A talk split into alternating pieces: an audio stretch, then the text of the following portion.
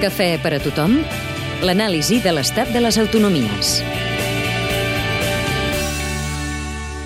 Euskadi, capital, Vitòria. governa, El Partit Socialista en minoria. Població, 2.174.000 habitants. PIB per habitant, 31.288 euros, el més alt de l'Estat. índex d'atur, 13,55%. principal motor econòmic, La indústria. endeutament, 5.536 milions d'euros, el 8,1% del seu PIB. dèficit, 2,56%. pla d'ajustament, 290 milions d'euros. Hola, bueno, un café. ¿Cuánto es? 1.15, por favor.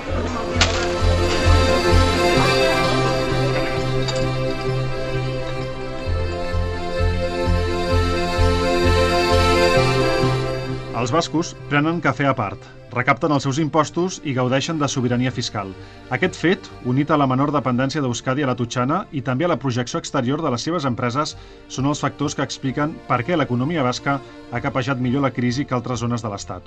És la comunitat autònoma amb el nivell d'endeutament més baix i amb un atur que situa 10 punts per sota de la mitjana espanyola. El concierto económico tiene que ver... José Antonio Díaz Alday, analista económico. Desde mi punto de vista ha sido la gran arma que ha tenido la economía vasca. Tú eres dueño de tu propio dinero, del que tú recaudas. No estás pendiente de que Madrid te vaya a dar un 50% del IRPF o te vaya a dar los impuestos especiales, etc. L'obsessió del govern basc és reduir el dèficit sense aplicar les tisores a la despesa social. Somos una administración bastante austera. Carlos Aguirre, conseller de dos Economía políticas. Una que ha sido ir ajustando eh, las subvenciones allá donde no eran más necesarias y luego laminando inversiones. No tanto cortando inversiones, sino prolongando su periodificación anual. Y lo que no hemos hecho es tocar los grandes servicios, sanidad y educación. És el que aquí es coneix com a model Euskadi.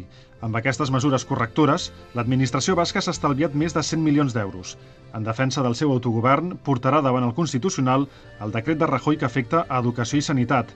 El gabinet socialista creu que les retallades aboquen el país al suïcidi i la patronal comparteix el diagnòstic. Somos un país serio. Miguel Ángel Lujua, president de Confebasc. Hay que hacer una apuesta por decir con recortes ya no vamos a ningún sitio, hay que asentar las reformas emprendidas porque el recorte nos lleva a la destrucción. Y evidentemente si destruimos la actividad económica no vamos a salir nunca de donde estamos. ¿no?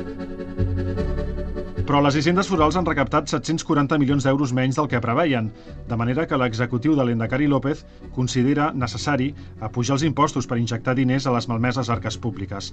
La gran infraestructura d'Euskadi, el tren d'alta velocitat, patirà un retard.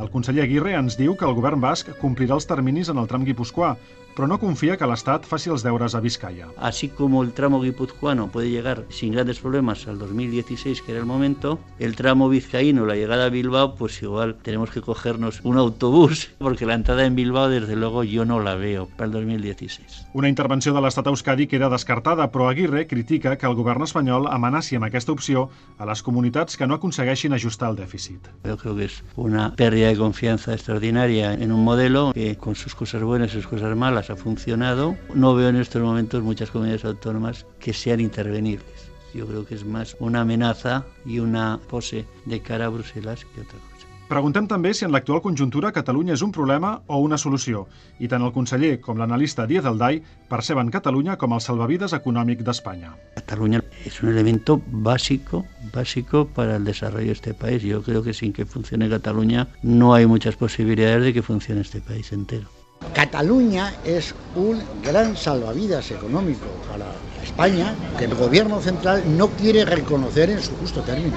Yo me pregunto cuántos ordenadores habrían dejado de suministrar en las escuelas extremeñas si Cataluña no estuviera dentro de España. Cafè per a tothom? L'anàlisi de l'estat de les autonomies. Una sèrie de reportatges dels serveis informatius de Catalunya Ràdio.